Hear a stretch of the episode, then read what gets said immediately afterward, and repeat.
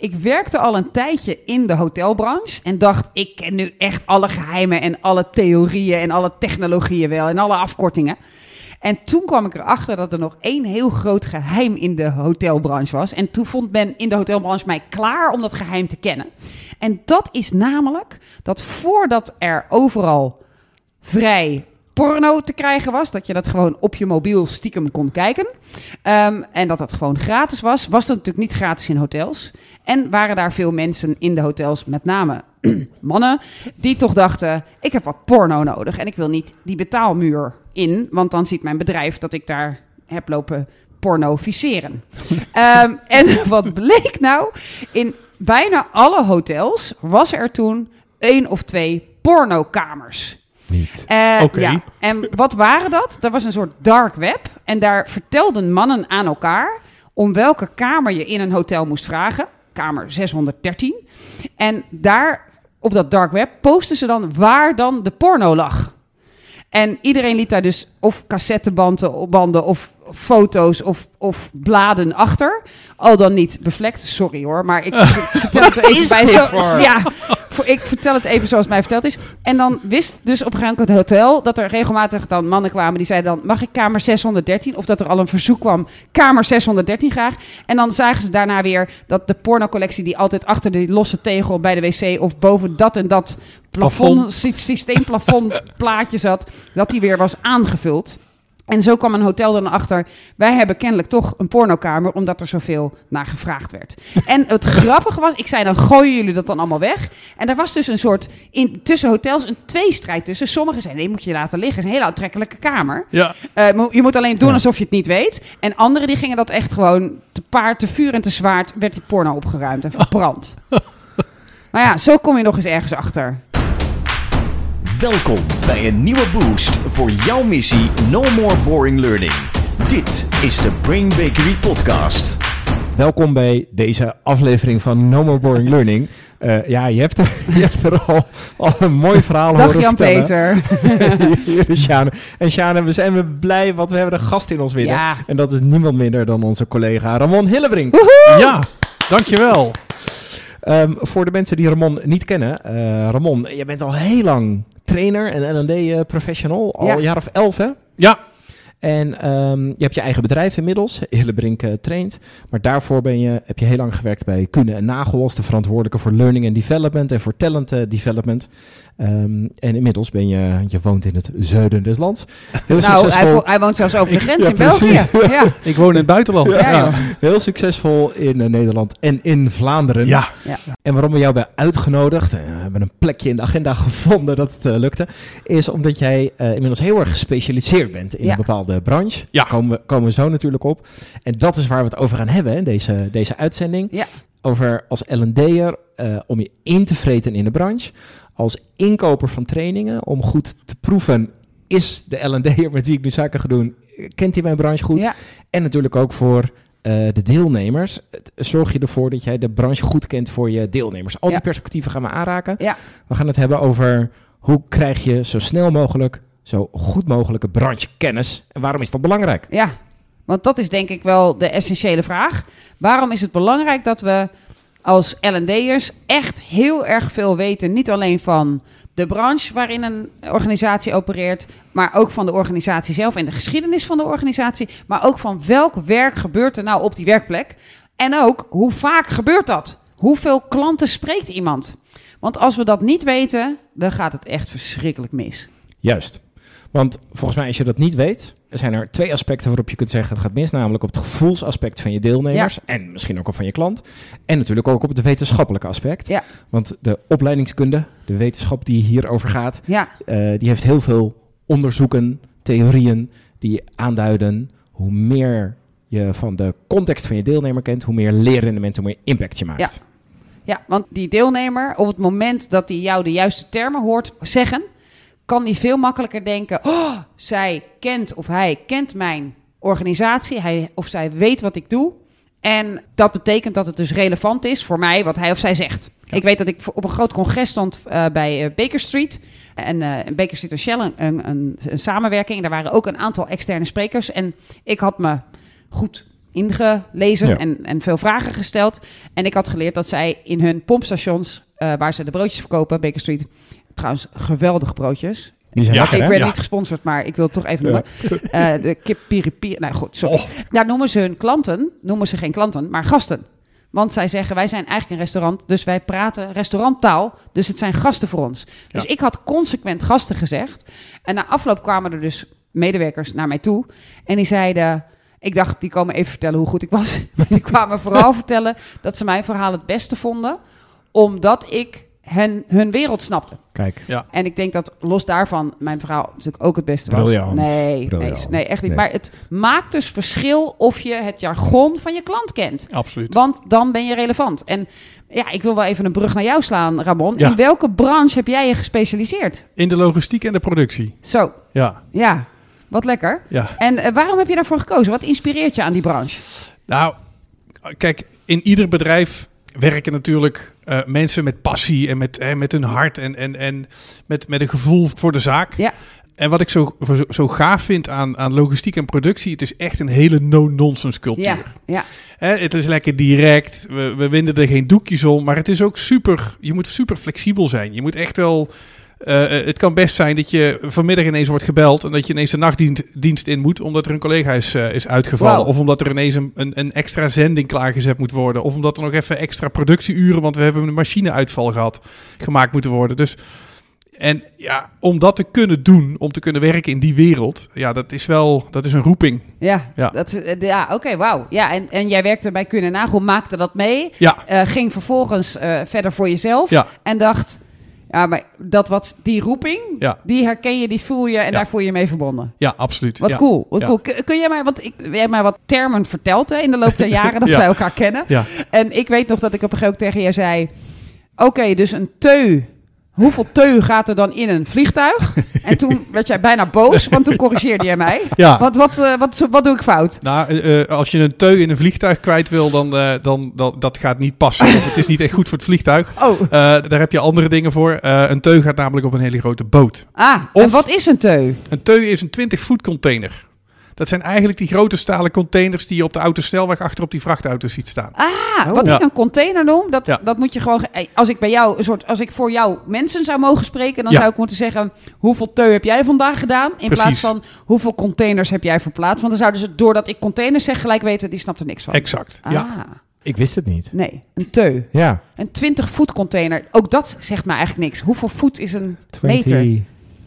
20. Nou ja, dat Ja, maakt niet uit. goed. Maar Ja. interessant. Ja. Heb je nog meer van dat soort termen waardoor jij, als jij met hen in gesprek gaat, waardoor ze gelijk denken: die man die snapt ons. Ja, nou ja, kijk, eh, wat je, hè, dan blijven we nog heel even bij de logistiek. Hè. Ja. Ehm, daar werken in een warehouse werken heftruckchauffeurs, daar werken orderpickers, daar werken en, en, en die orderpickers werken weer met ofwel een voice picking systeem Oeh. of een handheld waar zij de orders mee registreren. Pikken, heerlijk. Ja, Ja. ik, ik heb altijd de indruk gehad, want ik, heb, ken het woord orderpicking wel, dat ze Ja. dan een soort met een stok lopen met zo'n prikker erop, waarmee ze dit ergens uitprikken. Maar dat is misschien een, niet Dat is alleen als je de huishoudelijke eh, taak hebt om, om alle rotzooi even op te Oh, ruimen. dan loop je met zo'n prikker? ja, ja. Nee. Maar hoe pikken ze dan? Pakken ze het met hun hand? Als je voice picking doet, dan lopen de medewerkers eigenlijk met een koptelefoon op. En die lopen dan luisterend naar instructies van een automatisch hele lieve Ja. dame of een hele lieve heer. Ja. Eh, lopen zij ehm, een, een ideale route door het, door het warehouse. Ja. En, en daar staan allerlei producten klaar. En Ja. zij hebben een verzameling nodig van al die verschillende producten. Om dat dan vervolgens, let op, daar komt hij, bij de outbound neer te Ja, zetten. natuurlijk. Dat zet je bij de Logisch. outbound. Dat zet je niet bij de inbound. Nee, eruit. Wat goed. En ik hoor ook, want dat vind ik ook fascinerend. Ik hoor dus ook al de ideale route. Mhm. Ik kan me dat goed voorstellen, hè, dat het in logistiek belangrijk is. Ik heb wel eens in een warehouse gelopen. Daar kun je echt, volgens mij, 60 kilometer per Ja. dag lopen als Ja. je niet uitkijkt. Ja. Dat zij dus die ideale route volgen om in zo kort mogelijk tijd zoveel mogelijk orders te kunnen pikken. Ja, efficiency staat echt wel heel hoog in het vaandel. Ja, En, en dat moet dan ook nog op een veilige manier.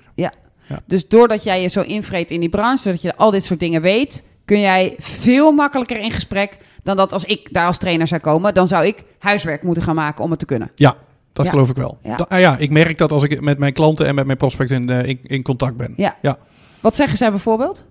zij hebben het vrij snel over bepaalde uitdagingen in hun bedrijf. Uh, um, ik heb nu op dit moment een klant die, die produceren veevoer. Mm -hmm. Veevoeder hè, voor de varkensindustrie, voor de kal kalfjes en de koeien. Ja. Um, maar zij hebben ook te maken met de CO2-uitstoot, milieunormen, Oeh, wetgevingen, ja. noem maar op. Dus zij moeten ook heel slim nadenken welke middelen en hoe zetten wij onze mensen zo optimaal mogelijk in ja. om bij te dragen aan een positief CO2-klimaat. Ja. En als ze dat tegen jou zeggen, zeg jij: Oké, okay, snap ik, bin daar, done that. Ja. En als ze dat tegen mij zeggen, zeg ik... Ja, het klimaat is heel belangrijk. ja, Waarschijnlijk. En, en, en ja. ga ik geïnteresseerde vragen stellen. Maar daardoor kunnen ze sneller met jou schakelen. Ja, we, we zitten wel sneller op één lijn Ja. qua uh, waar doet het pijn, uh, uh, waarvoor zoeken zij een oplossing en, en hoe kan ik daar dan zo goed mogelijk en zo adequaat mogelijk voor zorgen. Ja, dus als je een inkoper bent, hè, even voor alle inkopende Mm. luisteraars, voor alle L&D-managers of, of inkopers of managers, en je, gaat met een trainer in gesprek, dan kun je natuurlijk zeggen, doe mij een commodity, hè? Ja. trek iets van de plank, doe Ja. mij een cursus Oh. communiceren. Oh, nee. Eh, voor beginners. en dan kun je een soort iedereen naar binnen halen. Alleen de relevantie van die persoon is dan waarschijnlijk nul. Tenzij die per ongeluk veel kennis heeft van. Ja. En als ze met jou praten en je zou zo'nzelfde cursus Ja. communicatie geven, zou jij daar veel meer terminologie, veel meer achtergrondbegrippen, veel meer kunnen aansluiten bij die Absoluut. belevingswereld van die klant. Ja, zeer zeker. Cool. We weten ook uit de wetenschap Ja. dat dat heel belangrijk is. Hè? Ja. We hebben al een eerdere podcast, eh, podcast nummer 90, gehad natuurlijk over transfer. Ja. Eh, transfer, het overbrengen van het geleerde van de, werksitua- van de leersituatie naar de werksituatie. Een van de vijf beïnvloeders is en de gelijkenis met de praktijk Ja. op plek eh, drie. En eh, eentje lager staat ook nog de kunde van de trainer. Ja. En dan heb je het over, lukt het de trainer om het zo te vertellen dat ik als deelnemer geloof, dit gaat mij succesvol maken, hier gaan mijn klanten blij van worden, hier ga ik complimenten van krijgen. En dat helpt natuurlijk enorm als je hun wereld zo goed kent, als je precies weet wat dat voice picking, wat daar het leuke aan is of wat daar het vervelende aan is, dan gaan Ja. deelnemers veel sneller dingen van je aannemen, lijkt me. Ja, ook. Wat kan een leidinggevende verwachten op het moment dat hij eh, weer in de eh, dat hij een medewerker heeft die in de weerstand schiet? Hè? Hoe ga je daarmee om? Welke tekst hoor je dan? Welke dingen zegt zo'n medewerker dan? Ja. En dat Ik krijg kan me ik wel. voorstellen dat op een hoofdkantoor van ING daar andere teksten uit iemand komen dan in een warehouse. Dat geloof ik wel. ja. Ja, misschien, misschien zijn ze op het hoofdkantoor van ING al gestopt bij mijn opening van vandaag. Terwijl jouw branche misschien denkt, oh, Ja. klinkt als een leuke podcast. Ja, ja, ja. Oké, ja. Daarom begonnen we daar natuurlijk mee. Eh, Jij hebt eh, heel veel, heel lang in eh, hotelwezen eh, gewerkt en, en nog steeds. Ja. Dus dan leer je dit soort verhalen, dit soort legendes leer je kennen. ja. Waardoor je meteen volgens mij one of the guys bent. Hè? Ja. Je behoort tot de in-group. Ja, als ik nu eh, op een podium ga staan en ik zeg, joh, eh 10 years ago, tell me you didn't put me in your porn room. Dan zit iedereen, hey, hey, hoe weet zij dat? Hey, hey, hey. En Dan ben je een soort held, omdat je dat verhaal kent. Eh, en dat helpt gewoon heel erg in een onmiddellijke acceptatie van... oké, we gaan met elkaar aan de slag. We hebben iets gemeenschappelijks. Jij hebt kennelijk je zo goed gedragen... want mijn ouders weten dit zelfs niet, dat jij dit mag weten. Wat cool. Je, bent, je kent ons, je bent relevant. Ja. Ja. Ja. Super lekker. Ook andere, wat ik heel erg geleerd heb van McDonald's, daar werken jij en ik eh, regelmatig, Ja, klopt. is dat McDonald's, toen wij daar kwamen, kregen we echt een lijst met woorden die we moeten zeggen. Ja. Eh, ze werken natuurlijk sowieso, is een van de grootste krachten die ik ongelooflijk bewonder van McDonald's, is dat ze overal op aarde precies dezelfde smaak weten te maken. En Ja. dat je dezelfde beleving hebt. En die continuïteit, die congruentie, die is natuurlijk enorm. En dat hebben ze ook in hun terminologie. Een, een McDonald's is dus een restaurant. Ja. Dus het is niet een... Het is niet een snackhouse, het is niet een vreedschuur. een, een vreedschuur, het is niet iets anders, het is een restaurant. Ja. En, en als je kijkt met hoeveel dedication en liefde ze hun producten maken en Zo. hoeveel ze investeren in de opleiding van jonge mensen die soms geen kans krijgen, dan springt dat er heel erg uit. Mooi. Ja. Dus, eh, dus dat. En, en ja, we hadden nog andere woorden hè, van McDonald's. Ja, want ik heb helemaal in het begin, niet toen ik stond te trainen, maar Ja. wel in mijn eerste gesprek het wel eens gehad bij hun over patat. Ja. Ja, dat, was, dat, dat was niet oké, hè? Nee, nee, Nee, het het, zijn- het zijn de Franse Ja, frietjes. precies. Ja. Ja. Ook niet gewoon frietjes. Nee, Maar de Franse frietjes. Ja. En, en als je kijkt naar met hoeveel zorg al die aardappelen geselecteerd worden enzovoort, dan snap je ook dat je daar gewoon op staat. Nee, we hebben hier niet patat, we hebben Franse frietjes. Ja. Ja. Ik heb ook heel lang eh, in de telecom gewerkt en, eh, en getraind. Ja. En daar was op een gegeven moment ook een hele aparte afkorting. Eh, en dat was AFTV. AFTV, Ja. daar heb je mij ooit mee... Ja, Ja, ja, ja. dat is een afkorting. Dan moet je echt denken... eh, ja, Wat? Ik zie Ramon nu echt... Wat is dat? AFTV. Dat staat voor ADSL, wat er weer een afkorting op zich Oh. is. Eh, en dan de F van fixed, van de vaste lijn. En TV van televisie. Dus dat waren de pakketten voor, voor thuis. Ja. En ik weet nog dat wij het inderdaad het een keer over hadden. Ja, want ik Eh, ging naar Vodafone. Ja, dus, en dus toen ging ik daar heel stoer. geleerd. Ja, ik ging heel stoer zeggen AFTV, AFTV. En toen zeiden ze, wij noemen dat hier thuispakketten. Ja. Zo. Eh, niet goed afgelopen. Ja. ja. Dus dan kun je ook in de branche kun je natuurlijk nog weer nuanceverschillen Ja. hebben. En dat brengt me ook op dat eh, ik heb in verschillende telecom-organisaties eh, mogen trainen en getraind. Eh, en daar zie je ook dat, dat het heel handig is om aantallen te weten. En dat wil ik ook wel even bij jou checken, Ramon. Op een gegeven moment snap je dan, oké, jullie verkopen mobieltjes, abonnementen, thuispakketten. Of AFTV, ik weet niet hoe jullie het noemen. Eh, en eh, eh, je verkoopt scherm, schermdingetjes. Dan is het op een gegeven moment ook nog weten, handig om te weten... hoeveel klanten komen er nou per uur of per dag binnen? Hoeveel klanten spreekt iemand? Hoeveel is goed? Wanneer, hoeveel mobieltjes verkoop je nou Ja. dat je het goed doet? Als je daar geen idee van hebt, dan ga je misschien voorbeelden geven. En dan zeg je, ja, dan verkoop je weer eens 100 mobieltjes. Terwijl iemand dan denkt, nou joh, 20 in de week is eigenlijk heel mooi. Doe normaal. Dus, het, dus de scope kennen, hoe, hoe werkt het bij jou? Want bij jou gaat het dus in tonnen in de logistiek dan. En bij Ja. productie kan ik me ook voorstellen dat het over hele andere getallen gaat. Ja, in de, in de logistiek heb je verschillende modaliteiten. Eh, dus ehm, eh, vooral eh, luchtvracht, zeevracht, eh, overland. Eh, dat, dat is Overland? van alles binnenvaart. Oh, dat heet en- niet en- gewoon land. Nee, nee, Gewoon nee. overland. overland. Overland. Ehm, en, en daar werken ze in de luchtvracht bijvoorbeeld met tonnen. Ja. in, in de warehouse met het aantal pallets. Hè? Hoeveel pallets kunnen er Ah. in ons warehouse? Hoeveel pallets passen er in een 20-voet container? Als er al pallets in worden gestopt. Oh, oh. Eh, maar in de productie ook. Je hebt in de productie te maken met eh, bijvoorbeeld een klant van mij die werkt met bulktransporten. Nou Ja. eh, dat gaat in grote afvulzakken. Ja. Daar gaat ook weer zoveel ton of zoveel kilo in. Er moeten ook weer monsters van genomen worden. Dus ja, daar zitten wel heel veel Verschillende termen, ja, ja. termen in. En als het dan gaat om die aantallen waar je het Ja, net over had. targets. Ja. Ja, dan werken ze ook met targets. Hè? Ja. Dus, dus als medewerker orderpicking heb ik een target van zoveel pallets outbound per dienst, per acht uur dat ik Ah, werk. ja. Of, en als ik die niet haal, ja, dan moet ik een beetje doorwerken, denk Ja. ik. ja. En, en alles wordt er dus ingericht om gemeten om dat te laten werken. Want dan kun je, hou je de kosten laag. En, dan, en de marges zijn natuurlijk niet, ook al niet al te hoog waarschijnlijk. Nee, dus zeker. alles gaat, is marge gedreven daar. Ja. Wat gaaf. Ja. Ja. En als jij dus een voorbeeld geeft, dan moet je dus zeggen...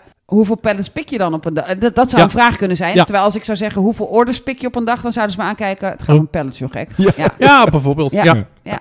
Ja, dus dat, dat specialiseren, wat jij hebt gedaan, Ja. heeft je dus veel gebracht, Ja. denk ik. Ja, dat, dat ik, nou ja, ik merk wel dat ik veel sneller, of ik sluit heel snel aan bij mijn, mijn doelgroep, bij mijn deelnemers, bij, ook bij mijn klanten Ja. in gesprek.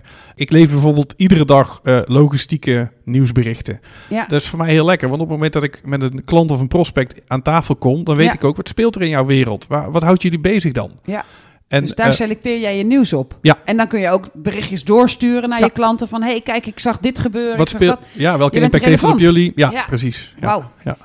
Sjaan, wij zijn bijvoorbeeld niet gespecialiseerd in één branche. Nee. Hè? Eh, een aantal branches zijn we, hebben, we hebben wel meer ervaring in Ja. dan andere.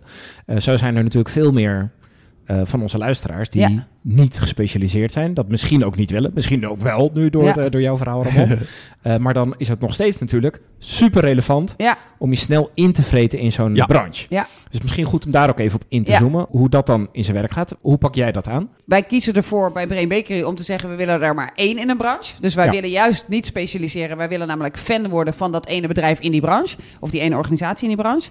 Ik stel echt verschrikkelijk veel vragen. Anders ga ik niet trainen. Dus eh, wij gaan meekijken, meelopen, de taal leren spreken. Ontzettend veel verschillende soorten vragen eh, stellen. Vragen vanuit het perspectief... wat zegt jullie concurrent over jullie? Wat vind Ja. je dat belangrijk dat je klant over je zegt? Wat zeggen de medewerkers binnen? Mag ik cijfers zien? Mag ik omzetcijfers zien? Mag ik margecijfers zien? Welke getallen zijn er belangrijk? Ik vraag ze de hemd van het lijf. Soms zelfs zodat L&D'ers tegen mij zeggen... ja, maar ik werk op het hoofdkantoor, dat weet ik niet. En dat ik dan zeg, ja, maar ik ga voor je mensen op de vloer staan. Hoe vaak kom je eigenlijk op de vloer? Ja, ja. Waar het echt gebeurt. Ja, daar zit ook nog wel eens een dingetje. Hmm, Ja. ja. Dus we stellen veel vragen. Maar het is, het is ook heel belangrijk om die vragen inderdaad vanuit die verschillende perspectieven te stellen. Ja. Eh, de deelnemer, de concurrent, de klant, Ja. De leidinggevende kan ook nog een perspectief Precies, zijn. ja. Ehm, en dan denk ik dat een aantal van luisteraars misschien ook wel denken... of die krijgen wel eens van de klanten te horen... ja, maar al dat onderzoek dat je dan doet, dat meekijken... Ja. kost tijd, kost misschien ook wel geld. Eh, dat hoeft natuurlijk niet zo te zijn. Maar daar moet je jezelf ook wel vaardig in maken... om snel zo'n branche te leren Ja. kennen. Ja. Zijn, da- zijn daar nog handige dingen voor? Wat ik altijd probeer te doen, en dat, dat kost geen geld, dat doe ik gewoon terwijl ik auto rijd, is dat ik me voorstel, ik werk daar. Hoe ziet dat eruit? Dus wij hebben net een, eh, een, eh, grote supermarktketen hebben we als klant gekregen. En ik ga dan denken, oké, ik kom als consument in die supermarkt. Wat zie ik dan? En dan zie ik dus die flapperdeuren naar achter. En daar, en daar ga ik dan even stilstaan en denk ik, wat gebeurt er Ja. daarachter? Hoe ziet dat eruit? En dan zie je een blik en dan zie je dat het daar wat minder eh, fancy is. Dus, Ja. dus de mooie kant en je hebt dus een minder mooie kant. En dan ga ik van daaruit me al afvragen, stel dat ik nu deze hele rij vruchtenhagel... Ik hou er niet eens van. Waarom komt dat in me op? Ik koop hem leeg. Stop hem helemaal in mijn kar. Gaat er dan automatisch een ping af op het moment dat ik bij de kassa afreken dat, eh, dat er nu 29 vruchtenhagels verkocht zijn? Weet iemand dan achterin gelijk hoe aanvullen? Of, eh, en, en wat doet het bestelsysteem? Is er dan een automatisch bestelsysteem die dat dan regelt? En is het er dan de volgende dag weer of dezelfde dag nog? En dat soort dingen, dat kun je natuurlijk gewoon door empathisch je vragen te stellen en je daarin in te leven en te kijken van welke dilemma's komen mensen Ja. dan tegen op de vloer. Want stel de vruchtenhagel is op en de biefstukken. Zit er dan meer marge op biefstuk waardoor je daar harder voor rent? Of Ja. is die vru- Ik ben dan benieuwd Hoe daarnaar. gaat dat daar? Ja, dus Ja. Ik, ik probeer echt hyper nieuwsgierig te zijn. Ja, dus we hebben het, het onderzoeken vanuit verschillende perspectieven. Ja. We hebben het enorm je nieuwsgierigheid eh, aanstellen. Ja. Eh, aanspreken, sorry. Ja, En dan zijn er natuurlijk ook nog gewoon eh, wat slimme vragen die Ja. je kunt Ja. stellen. absoluut. Hè, dus, eh, Luisteraars, pak pen en papier, Ja. want hier komen ze. La- gewoon. laten we eens, laten we eens- hè, je kunt Vul denken verhaal aan, eh, Ramon ook. Je kunt eh, denken aan een vraag bijvoorbeeld... wat is het grootste misverstand over jullie branche? Ja. Hè, want dan, dan laat je ze eigenlijk over hun branche weer denken vanuit de Vanuit buitenstaande de buitenkant. perspectief. Ja, precies. Een vraag die je ook kunt stellen bijvoorbeeld is... eh, stel jouw grootste concurrent staat op. Wat zou die dan zo concurrent maken? Ja, dat je eigenlijk aan het peilen bent, hoe, waar word je bang van? Ja, Ja. precies. Ja, Ja, eh, dus misschien ook wel, waar zit er in jullie ogen een zwakte? Ja, of je een kan zorg. Ook, ja, of Ja. een zorg. Ja. Je kan ook zeggen van, eh, als een klant X, Y, Z wil, wat gebeurt er dan allemaal achter de schermen? Welke processen worden er dan in gang gezet? Wat Ja. moet je allemaal gaan doen? Eh, wat is de meest gehoorde klacht Ja, over jullie? En daartegenover, waar krijgen jullie vaak complimenten over? ja. Ja. En dan ook nog welke legendes en stoere verhalen gaan er rond? Is er een soort oud oprichter waar iedereen nog steeds aan refereert? Ik weet bijvoorbeeld binnen Accor Hotels dat de twee mannen die het hebben opgericht, daar, daar verschijnt nu vandaag de dag nog wel eens een foto van op LinkedIn dat iemand een soort ode aan die twee mannen brengt. Dus het niet Mooi. kennen van die mannen en niet weten wanneer zij begonnen zijn en met welk hotel ze begonnen zijn en dat soort geschiedkundige feitjes. Dat is echt een nadeel als je dan gaat trainen Ja. voor Accor Hotels. Ja. Ja. Dus invreten in een branche. Over invreten gesproken. Want invreten in je klant in zijn vakgebied is één. Ja, Maar wat ik ook heel belangrijk vind, is dat je ook kent van welke klant bedient mijn klant. Mm. Hè, eh, voorbeeldje van die diervoederproducent. Ja. Aan wie leveren zij? Dat zijn, dat zijn de boeren. Welke, welke taal wordt er onderling gesproken? Wat is er voor die boer belangrijk? Dus met andere woorden, vanuit welke waardes en principes probeert mijn klant te voldoen aan de vraag en de noodzaak eh, van hun klanten? Juist, als dat varkensvoer een dag te laat komt, Ja. is er dan iets mis? Ja. En wat is er mis met die varkens? En, ja, ja. en wat zijn de gevolgen daarvan? En als ik die kennis niet heb, als ik die taal niet spreek, ja, dan sla ik de plank mis als ik voor zo'n groep sta en, en, en een, bijvoorbeeld een burning platform probeer te creëren. ja. Heel goed, dus dat betekent inderdaad dat je niet alleen... Jij hebt de kennis van de branche, je volgt de branche op de voet. Ja. Maar de klanten daarbinnen, daar wil je ook nog weer alles van weten. Ja, ik, ik heb nog één ander voorbeeld. Amazon komt naar het Ja. Nederlandse. Ja. Ik heb ook klanten die daar eh, zich een beetje zorgen over Ja. maken. En ik heb ja. klanten die dat echt als een hele grote kans zien. Ja. Dus ik heb, ja, toen dat nieuws bekend Ja. werd, eh, ben ik wel even een rondje gaan bellen. eh, Om Van, even hey. te vragen van, hey, ik geef nu trainingen bij jullie, maar eh, hoe gaat dat dan? Ja. Wat, wat zijn, je- zit- zitten jullie aan de kant van zorgen? Zitten jullie, aan- ja, Ja, ook. En, Ja. en, en eh, in dit geval wist ik dan, ze zitten in de kant van kansen. ja, Eh, welke weerslag heeft dat voor die mensen die ik dadelijk in mijn groep heb? ja. En, En hoe wat ga ik ze dan, dat? Ja. Precies, wat ga ik ze dan horen zeggen? Zijn er zorgen? Kan ik die wegnemen? Zien zij kansen? Kan ik die versterken? Ja. Dus eh, ja, IJzersterk. Ja, ik denk dat iedere opdrachtgever tenzij je echt een soort van de hele oude stempel bent, blij is als een trainer je belt en zegt: luister, Ja. ik lees dit in de krant. Ik heb morgen die training. Wat kan ik aanpassen? Welke emoties komen daar vrij? Ja. Hoe kan ik daarmee omgaan? Ja. Ja, super voorbeeld.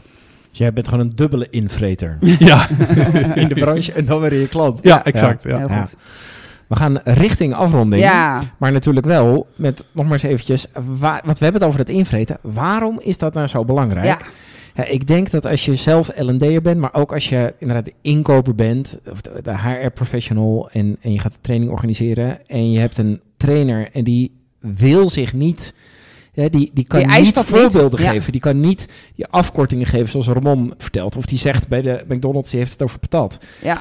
Dan, je bent je doel, je bent je deelnemers kwijt. Ja. Dus wat sta je dan te doen? Volgens mij je heb je dan geen respect voor je deelnemers. Ja, je creëert echt een extra transferhobbel. Want die deelnemer hoort patat of klant in plaats van gast. Ja. Of, of vierkante meter in plaats van teu.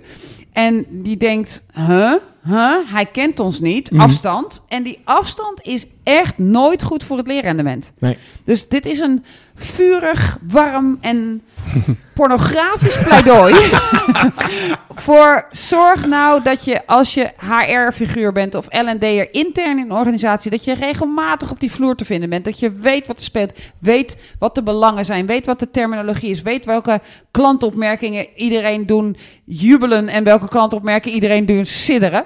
Weet dat soort dingen. Als je intern werkt, zorg ook dat als je een trainer inzet, dat die dat ook weet. Dat je ze meeneemt, dat je ze lijsten stuurt, dat je zegt, hey, let op, dit zijn onze termen. En dat je goed oplet als je inkoopt. Stellen ze überhaupt die vraag? Ja. Of komen zij met een... Nou, ik heb hier nog zes, de, die heb ik al bij 16 andere organisaties gegeven. Ik pas hem nooit aan. Ik kan hem blind trainen. Ik doe hem ook passieloos. Eh, En zo praten ze ook, hè, die mensen. Zo praten ja, ze. Ja, daar kun je het eigenlijk ook al aan herkennen. Zo'n branchekennis. En ook als je zelf dus trainer bent, jongens, oproep, L&D'ers. Zorg dat je de context kent van je, van je deelnemer en dat je, dat je relevant bent. Ja. En niet prachtige werkvormen verspreid. Wat een vlammend betoog. Mm. Zo begon je met porno en eindig je met een prachtig pleidooi voor branchekennis, voor contextkennis. Ramon, Ja, dankjewel. dankjewel. Heel leuk dat je er was. Ja, super. Eh, en eh, voor iedereen die luistert, namens Sjaan en mij natuurlijk, fijn dat je weer luisterde. En heel graag tot de volgende keer. No more boring learning. Dit was de Brain Bakery podcast. Wil je meer weten? Kijk dan op brainbakery.com of volg ons op onze socials.